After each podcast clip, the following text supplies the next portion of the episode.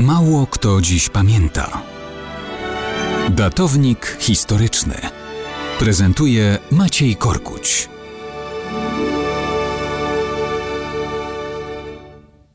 Mało kto dziś pamięta, że 7 czerwca 1837 roku urodził się późniejszy urzędnik austriackiego Ministerstwa Finansów Alois Schicklgruber.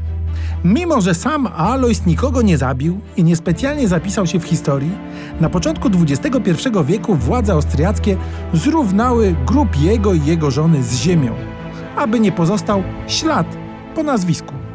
Alois był nieślubnym synem Marii Anny Schicklgruber. Kto był ojcem? Różne wersje to tylko domysły. Jako osiemnastolatek Alois wstąpił do Straży Granicznej Cesarstwa Austrii awansował w strukturze urzędów odpowiedzialnych za ochronę granic.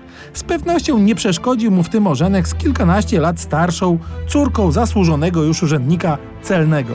Jednak wiernym małżonkiem bynajmniej nie był. Zdradzał żonę ze służącą. Miał z nią nieślubnego syna. Doprowadziło to do konfliktów i separacji. Z Schicklgruberami kontakty zerwał. Zresztą, jako 50-latek zmienił nazwisko.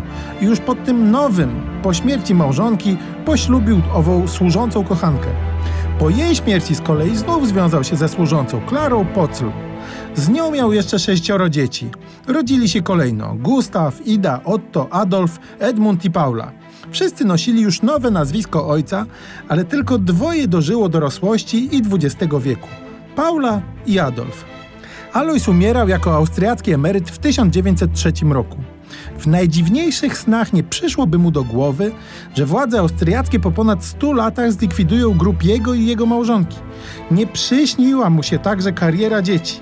Pauli, szpitalnej sekretarki, która zmarła w 1960 roku, i Adolfa, który odcisnął swe piętno na historii całego kontynentu. Gdyby ojciec nie dokonał zmian w dokumentach, cały świat dzisiaj znałby nazwisko Schicklgruber ale nazwisko zmienił i jego syn Adolf przeszedł do historii jako Adolf Hitler.